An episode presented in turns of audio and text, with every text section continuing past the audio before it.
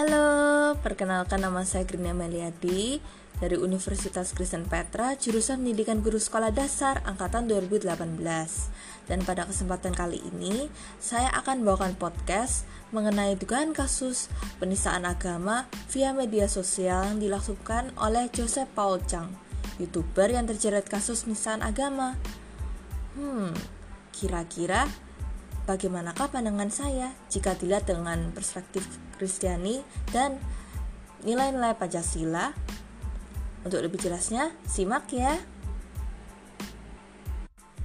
Dugaan kasus penistaan agama di Indonesia tentunya bukanlah hal yang baru atau pertama kali terjadi. Tentunya kasus semacam ini telah sering kita dengar melalui informasi di berita maupun media sosial. Dan tentunya kita semua tahu bahwa ini bukanlah hal yang baik karena memecah persaudaraan antar umat beragama di Indonesia yang seharusnya bersatu dan berdaulat seperti negara yang satu dan berbagai keunikan seperti semuanya kita bineka tunggal ika berbeda-beda namun tetap satu.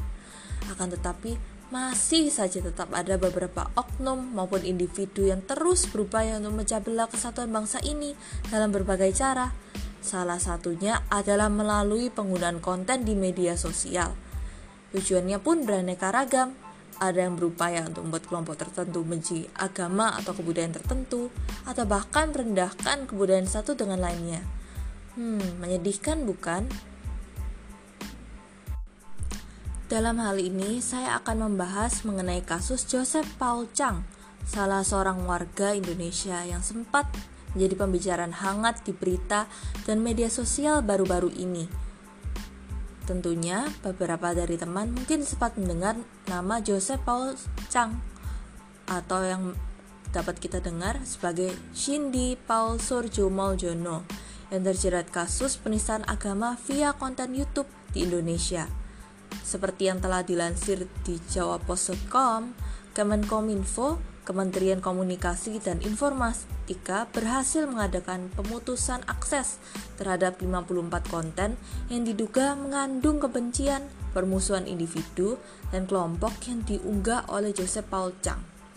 Dalam kasus ini, Joseph Paul Chang memenuhi unsur pelanggaran pasal 28 ayat 2 UU Informasi dan Transaksi Elektronik ITE tentang kebencian dan pasal 156A KUHP mengenai penodaan agama.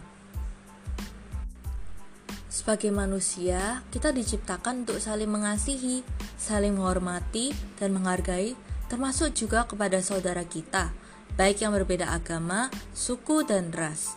Hal ini tepat seperti bunyi sila kedua dan ketiga dari Pancasila, kemanusiaan yang adil dan beradab, serta persatuan Indonesia.